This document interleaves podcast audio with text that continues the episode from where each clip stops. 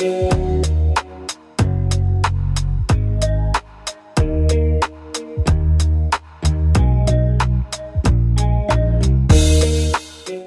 naszych starych i nowych słuchaczy. Zapraszam do wysłuchania podcastu PokerStrategy.com. Co usłyszycie w dzisiejszym odcinku? Newsy Torka i Morisa, audycję Sałyka dla osób zaczynających swoją przygodę z turniejami online. Na koniec wywiad Torka z naszym Black Memberem i bardzo dobrym kolegą Kopolandem. Startujemy!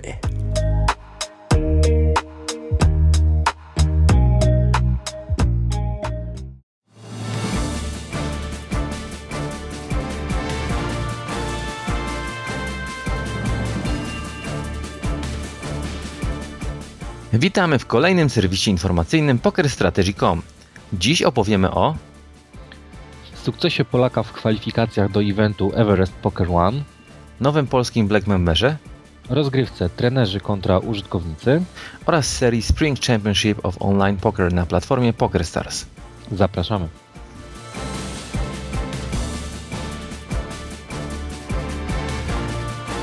21 kwietnia w Monako odbędzie się event Everest Poker One. Na naszych graczy czekało 10 satelit do ekskluzywnego turnieju finałowego, w którym zaledwie 100 osób stanęło do walki o jeden pakiet wyjazdowy o wartości 9000 dolarów. Wśród tych graczy znalazł się m.in. przedstawiciel polskiej społeczności PokerStrategy.com, Mazibyk. Początkowo jego celem w finałowym turnieju kwalifikacyjnym było wywalczenie miejsc przy Final Table, które zapewniało ticket o wartości 109 dolarów na specjalny turniej z gwarantowaną pulą nagród w wysokości 50 tysięcy dolarów. Mazibyk osiągnął jednak dużo więcej niż pierwotnie sobie założył. Wygrał finałowy turniej kwalifikacyjny, dzięki czemu w jego ręce poszedł pakiet turniejowy o wartości 9000 dolarów. Serdecznie gratulujemy naszemu rodakowi świetnego wyniku i życzymy powodzenia w rywalizacji w main evencie Everest Poker One. grono Black Memberów uzupełniło się o kolejnego Polaka. Do Petersona, Kusypala i Kopolanda dołączył Teges. Jest on pierwszym Polakiem, który status Black Member wywalczył w odmianie No Limit Hold'em. Teges został już oficjalnie okraszony ikonką złotej korony na czarnym tle i teraz będzie mógł cieszyć się ze wszystkich przywilejów, jakie stały się jego udziałem. W wywiadzie udzielonym w naszym serwisie użytkownik ten przyznał, że ma zamiar pojawić się na Black Member Party już w maju. Mamy nadzieję, że wkrótce do grona Black Memberów dołączą kolejni Polacy. Już w najbliższy poniedziałek o godzinie 20 odbędzie się kolejny pojedynek w ramach akcji Trenerzy kontra użytkownicy. Pierwsza tego typu rozgrywka została rozegrana 3 tygodnie temu, a na placu boju stanęła śmietanka polskiej społeczności Poker Strategy. Tym razem do stołów zasiądą fix limitowcy. Trzech naszych znakomitych trenerów stanie na placu boju z równie doświadczonymi pokerzystami, którzy są dobrze znani w naszej społeczności. Tym razem akcja będzie toczyła się na dwóch stołach, a nie tak jak poprzednio na jednym. Przez dwie godziny wyżej wymienieni pokerzyści będą toczyli zmagania, a ich poczynania komentować będą dwaj nasi doskonali trenerzy, Macmo oraz Majstereo. Relacja ta będzie dostępna od statusu brązowego, natomiast session review z tej rozgrywki będą mogli obejrzeć użytkownicy ze statusem złotym i wyższym. Wielu graczom wiosna kojarzy się przede wszystkim ze Spring Championship of Online Poker. Powód ku temu jest bardzo prosty. Mianowicie do zgarnięcia są ogromne pieniądze w pulach gwarantowanych, które z całą pewnością ucieszą każdy bankroll. Kolejna edycja Scoop rozpocznie się 8 maja i potrwa aż do 22 maja. Tym razem w gwarantowanych pulach nagród do zgarnięcia będzie aż 45 milionów dolarów. Zeszłoroczna seria turniejów online miała identyczną sumę gwarantowanych pól nagród, jednakże wysoka frekwencja pozwoliła zwiększyć tę kwotę do aż 63 milionów. Sądząc po zainteresowaniu, jakim cieszy się ta impreza, nie musimy chyba się martwić o ilość osób chętnych do gry i znaczne przekroczenie sum obiecanych przez PokerStars. Tym razem na uczestników Spring Championship of Online Poker czeka 38 eventów rozgrywanych na trzech poziomach. Main event rozpocznie się 22 maja i do zgarnięcia będzie aż 9 milionów dolarów. 5 milionów w turnieju z wysokim wpisowym, 3 miliony w turnieju ze średnim wpisowym oraz milion dolarów w turnieju z niskim wpisowym. Życzymy wysokich wygranych. Dziękujemy za wysłuchanie serwisu informacyjnego. Poprowadzili go dla Was Torek oraz Morris.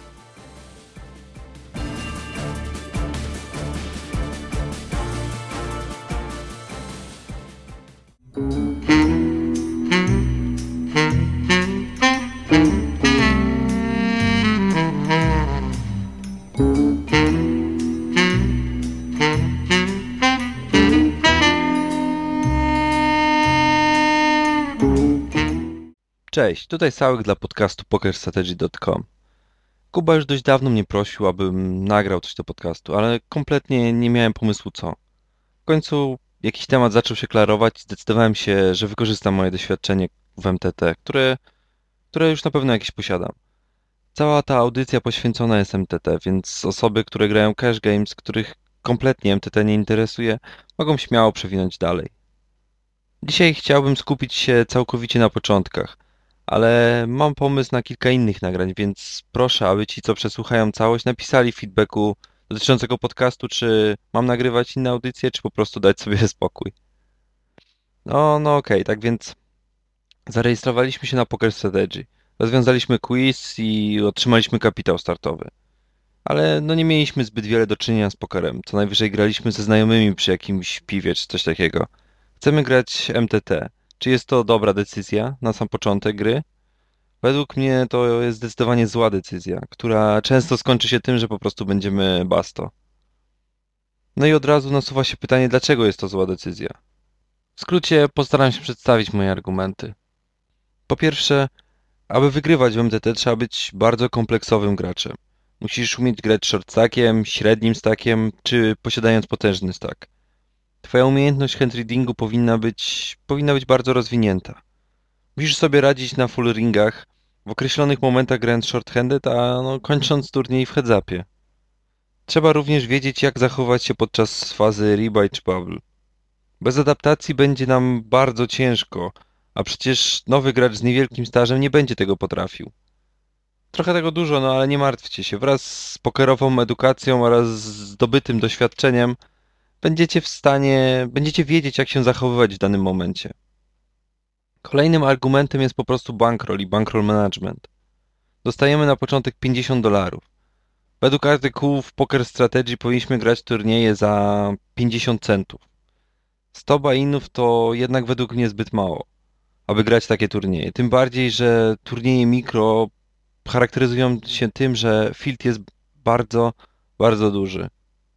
Sięga nawet kilku albo i kilkunastu tysięcy zawodników.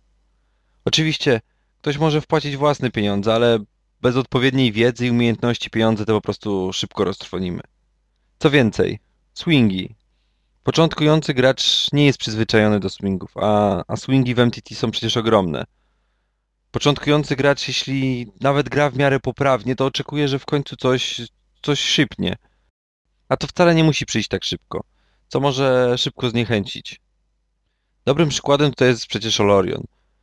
Y, Jest to bardzo, bardzo dobry gracz, ale pomimo tych umiejętności przez długi okres czasu no nie był w stanie nic skeszować. Nie był w stanie skeszować jakoś grubo jakiegoś danego turnieju.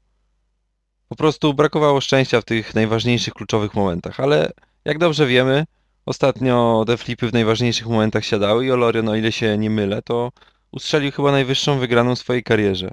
Zresztą kilka dni później zaliczył kolejny ładny cash.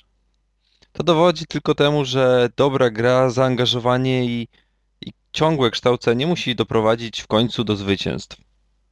Okej, tak pokrótce przedstawiłem argumenty, dlaczego nie powinniśmy zaczynać od, od razu od MTT. Tak więc pozostaje pytanie, co grać, aby później zostać tym graczem turniejowym. Ogólnie wydaje mi się, że można tu wyróżnić dwie takie najczęściej spotykane, tak jakby ścieżki. Pierwsza z nich to granie SNG STT, później SNG MTT i przechodzenie kolejno do MTT. Aczkolwiek ta droga mi się kompletnie nie podoba. Dlaczego? No, podstawą tych odmian w głównej mierze jest nauczenie i opanowanie się do perfekcji ICM.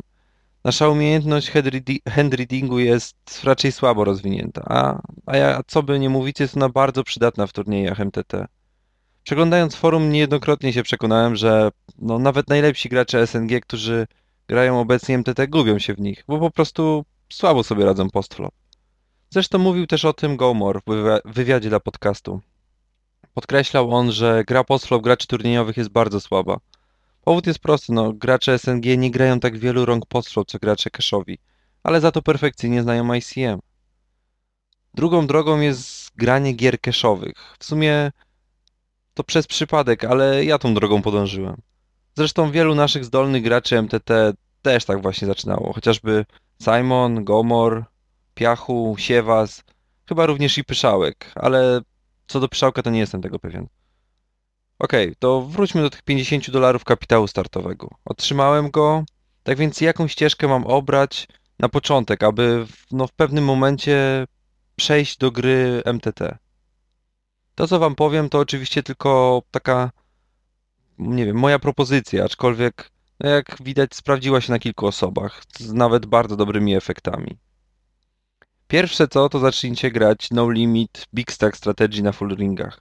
Przeczytajcie wszystkie artykuły i skupcie się na filmikach Rashera, później Denaturata i, i Jaca.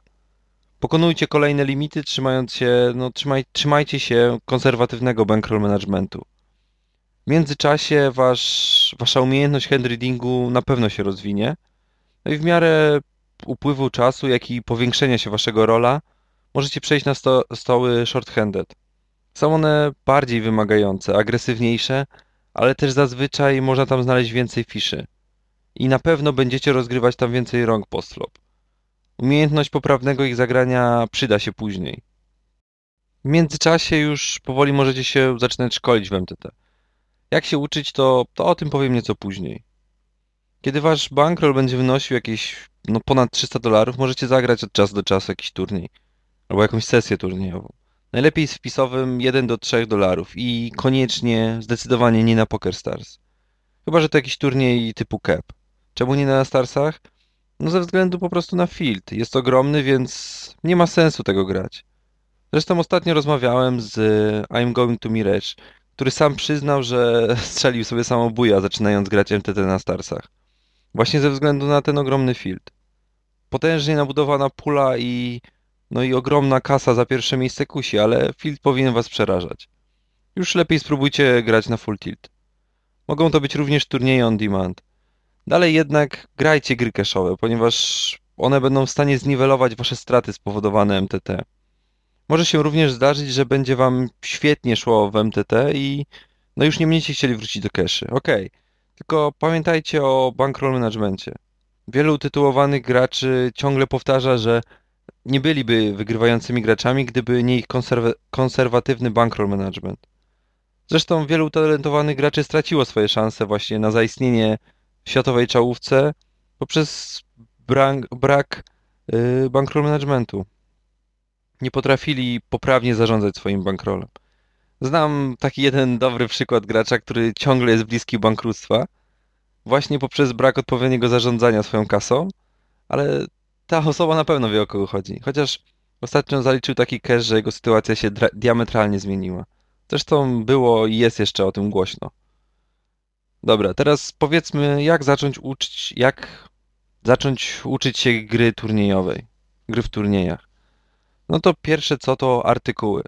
Można je przeczytać, no na pewno wasz stan wiedzy się nie pogorszy po ich przeczytaniu. Początkującym polecam jednak skupić się nad artykułem Miki Antonena. Mam nadzieję, że nic nie przekręciłem. Pod tytułem Jak różne rozmiary staka zmieniają Twoją grę w MTT. Jest, bardzo, jest to bardzo fajny artykuł, bardzo fajnie przedstawiony fundamentalny aspekt, który powinien kierować Waszą gro, grą w turniejach, aczkolwiek wielu ludzi nie zdaje sobie z tego kompletnie sprawy. Grają tak jakby prostoliniowo cały turniej, nie dopasowują swojej gry ani do posiadanego swojego staka, ani do na przykład wejścia ante. Przeczytajcie ten artykuł i przyswójcie to, przyswoicie to. Yy, Naprawdę polecam go. Poza tym, jeśli ktoś czuje się na siłach, to polecam blog tego autora, który znajdziecie na angielskim forum. Jest bardzo, bardzo ciekawy. Yy, Teraz coś ważnego, jeżeli chodzi o MTT, czyli ICM. Gracz, który grał wcześniej SNG, będzie miał ICM perfekcyjnie opanowane, ale z drugiej strony słabo będzie grał postflop. Wy grając full ring, a następnie stoły short-handed, grę postflop poznaliście i ta umiejętność jest na pewno u was bardziej rozwinięta niż u takiego typowego gracza SNG. Trzeba teraz nauczyć się po prostu ICM. Nie musicie znać tego jakoś perfekcyjnie, ale wiedza na przyzwoitym poziomie powinna według mnie wystarczyć. I tylko jak się tego nauczyć? No, możecie zamiennie stosować programy ICM Trainer i SNG Wizard, z tym, że ten drugi jest płatny i, i albo możecie go kupić, albo skorzystać z 30-dniowej wersji triala. Ja polecam ICM Trainera, to jest program Poker Strategy, tylko jak go zainstalu- zainstalujecie, to ustawcie w nim koniecznie język angielski, bo program coś się krzaczy w polskiej wersji. No i odpalamy program i spędzamy w nim, nie wiem, kilkadziesiąt, kilkanaście, kilkadziesiąt godzin. Nasz, ilość naszych poprawnych decyzji będzie na przyzwoitym poziomie. Co dalej? Filmiki szkoleniowe. No tutaj chyba nie muszę dużo mówić. Jest to według mnie najefektywniejsza forma nauki, zaraz po analizie rąk. Oglądajcie filmy, zwracajcie uwagę na to, jak grają nasi sędziowie, nasi trenerzy, jak zachowują się w różnych spotach, uwzględniając przy tym różne fazy turnieju, wielkość swojego staku i tak. Ponadto ciągle oglądajcie filmiki naszych trenerów od Cash Games, głównie tych z full ringów, bo takie zazwyczaj turnieje się rozgrywa, aczkolwiek shorthanded również możecie oglądać. To pomaga i ulepsza waszą grę. Ja w pewnym momencie zapomniałem o tym spe- aspekcie. Dopiero Dario Giovanni mi przypomniał, jak ważne to jest i jaki to ma wpływ na moją grę postflop. Oczywiście liczba oglądanych filmików z Cash Games powinna być mniejsza niż filmów z MTT, ale pamiętajcie o nich, nie zapominajcie. Ja obecnie często oglądam filmiki Jaca, Denaturata, Ninjaya, o i Gomora. Jestem pewien, że to pomaga i w jakiś sposób na pewno ulepszy moją grę postflop. Treningi. Obecnie na Poker Strategy możecie uczęszczać na treningi Oloriona i Pyszałka. Ci bardziej doświadczeni gracze, którzy legitymują się platynowym statusem, mają jeszcze okazję uczestniczyć w treningach Simona. Nawet no, nie ma co kwestionować. Treningi są świetną formą nauki i szczerze je polecam. Uczęszczając na te treningi jesteście w stanie po prostu zadać konkretne pytanie trenerowi, dopytać, jeśli czego, coś dla was nie jest jasne. No i polecam o tyle. A jakich pytań nie zadawać? Nie zadawajcie pytań typu ile trener zarobił, ile turniejów wygrał. Gdzieś to o tym już pisałem ostatnio na forum. Takie pytania są bez sensu. Odpowiedzi na nie po prostu nic kompletnie nie, wno- nie wniosą do waszej gry. Jedynie zaspokoją ciekawość, a takimi pytaniami możecie już jakoś podpaść u trenera. Jeśli bardzo chcecie znać odpowiedzi na te pytania, to poszukajcie. Znajdziecie sposób, aby to sprawdzić. Pamiętajcie również, że jako użytkownicy Poker Strategy macie dostęp do treningów innych społeczności. Jeśli ktoś zna dobrze jakiś język obcy, to zachęcam do uczestnictwa w takim treningu. Na przykład jeden z treningów MTT w rosyjskiej społeczności, dostępny jest bodajże od złotego statusu, prowadzi Piton, który wygrał Sunday Million. Przeglądajcie również dział oceny rąk i wrzucajcie tam własne rozdania. Według mnie jest to właśnie najlepsza z możliwych form nauki. Kiedyś myślałem, że to jest bez sensu i w niczym mi nie pomoże. Zresztą wydaje mi się, że wielu początkujących graczy tak sądzi. Ale bardzo, bardzo się myliłem. To, tak jak już powiedziałem, nic lepiej nie poprawi waszej gry niż analiza rozdań. Teraz nasuwa się pytanie, jak wrzucać ręce na forum i na czym się skupiać i które ręce wrzucać. No. Często podczas turnieju rozegraliśmy jakąś rękę. Nieważ, nieważne, czy wygraliśmy to rozdanie, czy je przegraliśmy, ale nie byliśmy do końca pewni swojej decyzji, wahaliśmy się. Warto takie rozdanie wrzucić na forum. Warto wszystkie takie rozdania wrzucać na forum. Inni użytkownicy zapewne dorzucą jakieś swoje trzy grosze, a trenerzy ocenią to rozdanie. Jak wrzucać takie ręce?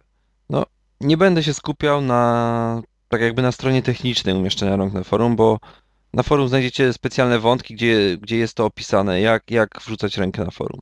Podpowiem jedynie, jakie informacje powinniście dołączyć do takiego wklejonego przez Was rozdania. Na pewno statystyki Waszego przeciwnika, czyli VPIP, PFR, Aggression Factor, ilość rąk. Inne statystyki, takie jak, nie wiem, Seabet czy Fold to Seabet albo Freebet czy Fold to Freebet, powinniśmy głównie podawać, jeśli w danym rozdaniu wystąpiło dane zagranie. Wiecie o co mi chodzi. Chodzi o to, że jeśli na przykład pulę zgarnęliśmy freebetem preflop, to nie podawajcie statystyki fold to seabet, bo ona jest bezużyteczna i w żadnym wypadku nie pomoże. Ok, co dalej? Na pewno wklejamy wasze wszystkie notatki, które posiadacie na danego gracza. Napiszmy również, jaka była dynamika, jaki jest nasz image. Czy na przykład na showdownie pokazywaliśmy same przyzwoite ręce, czy złapano nas na jakimś chorym blefie. Albo że gramy, nie wiem, 40-35 z freebetem 25% po jakiejś miarodajnej próbce na przykład. Znaczy, no nie miarodajnej próbce, ale na przykład po 60 rękach. Ten przykład akurat podaję, bo ostatnio mi się zdarzyło posiadać takie statystyki. Warto jest również podrzucić link do prolapsa danego gracza. To wiele pomoże. No i chyba jednak lepiej jest podrzucić link do prolapsa niż do OPR, bo na Prolapsie to jeśli ktoś ma wykupiony abonament, to widać od razu cały wykres jego lifetime i jakąś tendencję można zauważyć. A jeżeli ktoś nie ma wykupionego, to chociaż widzi ten bodajże 1000 turniej, a na OPR-ze nie ma wykresów, więc zobaczymy tylko jego statystyki, ile wygrał, ile ma profitu i tak dalej. Ale właśnie podrzucenie tego linku do, linku do profilu danego gracza może pomóc w ocenie sędziego. I tak wstawiona ręka na pewno lepiej i dokładniej będzie oceniona niż ręka, z której, nie wiem, wkleimy po prostu hand history i napiszemy ung. I to wszystko. To tak trochę jak wróżenie z fusów. Co dalej? Podforum oceny rozdań jest również świetnym miejscem nauki. Powstaje pytanie, jak przeglądać ten, dzieja, ten dział, aby to miało sens jakiś wpływ na naszą wiedzę. Powiem Wam, jak to wygląda u mnie. W sumie to korzystam z dwóch metod. Pierwszy sposób jest dla tych mniej pewnych albo dla rozdań, które pochodzą z turniejów z dużo wyższym wpisowym niż Wasz average buy-in. No i po pierwsze, pierwszy sposób to wybieracie ręce ocenione przez naszych sędziów. Otwieracie powiedzmy, nie wiem, z 20 dziennie na różnych zakładkach w przeglądarce, no i po kolei odpalacie. Pierwsza ręka, no patrzymy na, po pierwsze, patrzymy na wpisowe turnieju. No żebyśmy wiedzieli, czy większość fieldu to są fisze, czy nie, albo może to jest jakiś znany nam turniej, gdzie grają w większości same regi. Później sprawdzamy staki. Sprawdzamy staki pod kątem ilości BB, Big Blindów lub M. To już zależy od Was, jak, jak rozróżniacie. Yy, Sprawdzamy staki graczy, którzy biorą udział w ręce.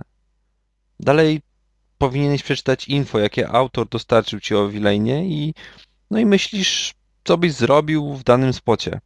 Wybierasz daną linię rozegrania i no, no i układasz sobie w głowie to, jak, jak byś daną rękę zagrał. Następnie po prostu zjeżdżasz na sam dół i czytasz ocenę sędziego. Yy, jeśli ona pokrywa się z Twoim zagraniem, to bingo. Dajesz po prostu następną rękę i tak dalej. Jeśli jednak coś jest nie tak, to czytasz i przyswajasz opinię sędziego, no i musisz jakoś porównać jego linię i swoją i dojść do czemu Twoja była zła. Jeżeli masz jakieś, nie wiem, wątpliwości czy coś, oczywiście możesz napisać. Sędzia powinien tam jeszcze odpowiedzieć. Yy, Druga opcja na analizę rozdań to zaglądanie do nowych wątków do oceny. A jeszcze, jeszcze powiem, ta pierwsza metoda, o której przed chwilą mówiłem, to ona bardziej jest dla tych osób nie wiem, niepewnych albo co do rąk, które pochodzą z turnieju z dużo wyższym wpisowym niż wasz average buy. Ok, teraz druga metoda na analizę rozdań to po prostu zaglądanie do nowych wątków do oceny. Ktoś wkleił nowy wątek, zaglądamy i wszystko robimy dokładnie tak samo jak to, co przed chwilą opisałem, ale dodajemy swój post, zanim sędzia oceni tę rękę. No i potem po prostu sprawdzacie, czy twoja ocena się pokryła z oceną sędziego. No. Z drugiej strony, jeżeli właśnie napiszecie jakąś porządną wypowiedź, a sędzia ją zacytuje i napisze plus jeden, to, to naprawdę potrafi czasami zmobilizować. Jeszcze tym bardziej, jeżeli sędzia jest dla was jakimś autorytetem. Y, Innym jeszcze sposobem jest wspólna, sposobem nauki jest wspólna analiza danego turnieju z jakimś swoim znajomym. No i najlepiej takim znajomym, który jest, nie wiem, lepszy od nas albo gra turnieje z wyższym wpisowym. Bo jeżeli, nie wiem, spotka się dwóch graczy turniejowych, którzy grają powiedzmy turnieje ze średnim wpisowym dolar, to, to nie ma sensu. Już lepiej wybrać więcej rozdań i wrzucić na forum oceny. No okej, to chyba wystarczy jak na pierwszy odcinek do podcastu. Tak jak już wspominałem, zostawcie jakiś feedback, czy Wam się podobało, czy nie. Albo może macie jakieś tematy, które chcielibyście, abym podjął. Jeżeli feedback będzie pozytywny, to na pewno pojawią się kolejne odcinki, a już mam kilka pomysłów, co jeszcze mógłbym nagrać, więc, więc czekam na Wasz feedback. Pozdrawiam serdecznie, z tej strony Sałyk dla pokerstrategy.com.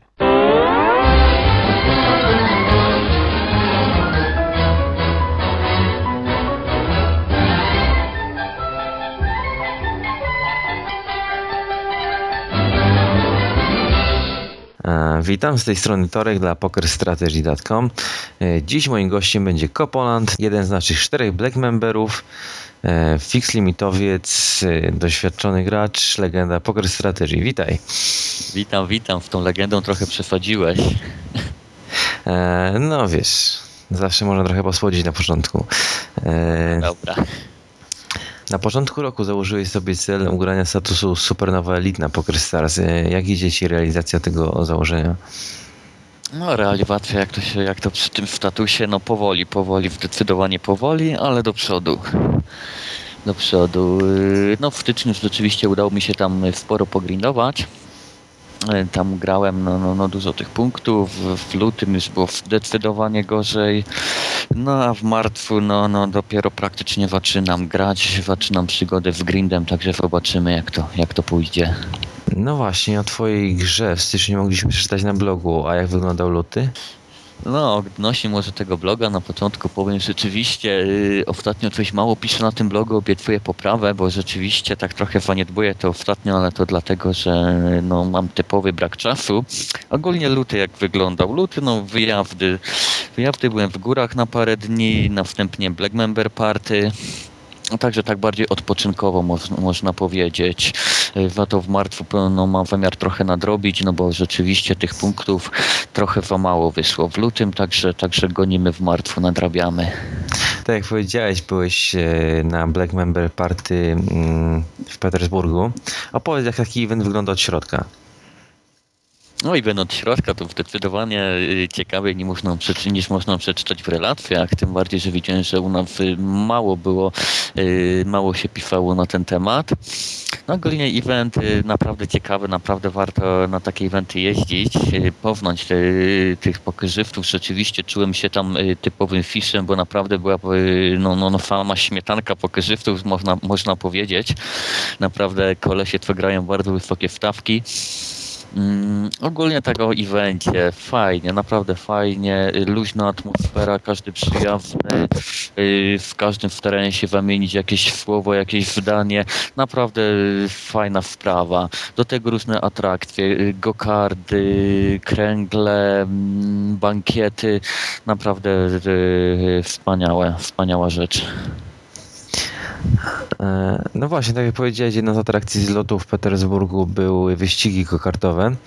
E, Dostępne one będą też na zlocie w Poznaniu. Jak twoja forma na gokartach się prezentuje? No, muszę powiedzieć, że dopiero buduję formę. Może tak to zacznijmy, bo w Petersburgu miałem e, pierwszy raz w życiu jeździłem na, na gokardach. E, Co mogę powiedzieć? Rzeczywiście fajna sprawa. Nie spodziewałem nawet, że tak bardzo mnie wciągnie. Na początku moje pierwsze okrążenia były może trochę bardziej bojaźliwe, no ale później rzeczywiście e, goniłem, goniłem czołówkę, także forma na pewno rośnie. Co ciekawe, parę dni po Black Member Party miałem okazję zawitać do Lublina, gdzie spotkałem się z naszym pierwszym Black Memberem Peterfonem i również z nim się wybrałem na gokardy, także, także, także trenuję. Peterson. e, Ciekawa postać, pierwszy Black Member, e, o którym jednak nie za dużo wszystkim wiadomo. E, Nie wiesz, czy pojawi się on na którymś ze najbliższych zlotów? E, bardzo ciężko odpowiedzieć mi na to pytanie, aczkolwiek e, namawiam go. E, Oczywiście przedstawiłem mu mniej więcej całą, całą jaka, e, e, jak wyglądają tego wloty. E, Diament, mam się go namawiać na te nasze różne eventy, ale czy się pojawi, tego nie wiem. To już tylko i wyłącznie jego decyzja. E, A powiedz, oprócz e, zabawy, rozrywki, wyniosłeś z Petersburga jakieś e, wartości związane z pokerem, w sensie rozmów z tymi doświadczonymi graczami właśnie o, o jakichś strategiach czy innych sprawach? Czy powiem tak, na temat strategii praktycznie mało się tworów mawiało, bardziej poznać to grupowania, y, jak oni widzą, jak odbierają pokera, dane, dane, y, po prostu to grupowanie. Mówię, strategia to są szczegóły, tutaj właśnie chodzi o ten tok myślenia, że, żeby go poznać. To jest zdecydowanie ważniejsze i, i można było coś takiego na pewno wyciągnąć od tych graczy. Naprawdę y, czułem, czułem, że po prostu no, miażdżą mnie skillem po samej rozmowie, także, także to na pewno było bardzo kształcące. Zamykając już temat Black Member Eventu, e, już wiesz, kiedy będziesz mógł odebrać e, swój garnitur? No, odnośnie tego garnituru to wyszła taka dość ciekawa sytuacja, e, ponieważ e, no, no, nie poszedłem do krawca, e, nie, nie, także, także w tym garniturem muszę trochę poczekać. Sprawa dokładnie wyglądała tak, że e, no, program był bardzo napięty. Nie oszukuję, że zdecydowanie był program napięty. Y, Dużo atrakcji i tak dalej. Chciałem w miarę we wszystkiego skorzystać jak najwięcej. No, no i po prostu tak wypadło, że, że całkowicie wyleciało mi z głowy, żeby zawitać właśnie do tego pokoju, żeby y, wzięli moje miary, ile, ile, ile mam wzrostu, ile wagi. Także w tym garniturem będziemy musieli poczekać do następnego Black Member Party, który prawdopodobnie odbędzie się w Odeście. Tak już y, mi tutaj wstępnie parę osób napisało. Także zobaczymy. E, Przechodząc do polskiego Poker Strategy, w połowie kwietnia odbędzie się kolejny zlot. E, Należy do nielicznej już grupy osób, y, która nie opuściła żadnego zlotu. Rozumiem zatem, że pojawisz się również w Poznaniu.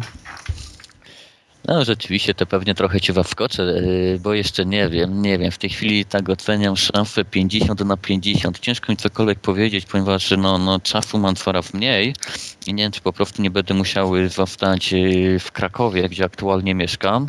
No rzeczywiście, jak do tej pory no, na każdym tym zlocie byłem, Każdy, każdy był jakiś wyjątkowy, na pewno pod, no, no, pod różnymi względami. Na pewno fajnie by się było pojawić yy, w Poznaniu, ale czy się pojawię? No zobaczymy, no zobaczymy. To, to jeszcze, jeszcze trochę dni zostało, także dopiero się to okaże. No ale mam nadzieję, Torku, że, że, że Ciebie na pewno będzie można tam spotkać, bo bo też jesteś tym nielicznym członkiem, który, który był na każdym zlocie. No faktycznie.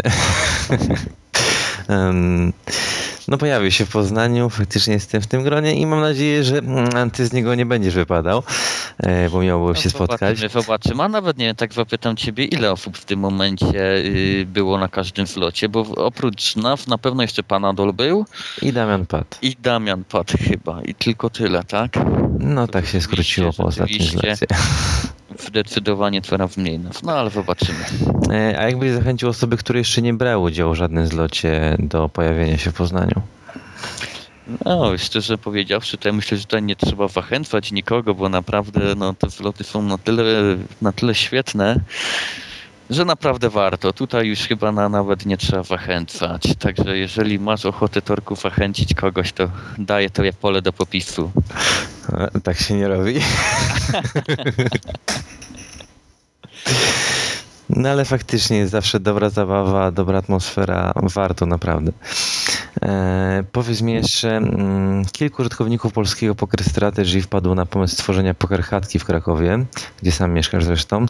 E, wiem, że odwiedziłeś ich któregoś dnia. Jak się podoba w ogóle pomysł tej poker chatki i realizacja tego, tego przedsięwzięcia?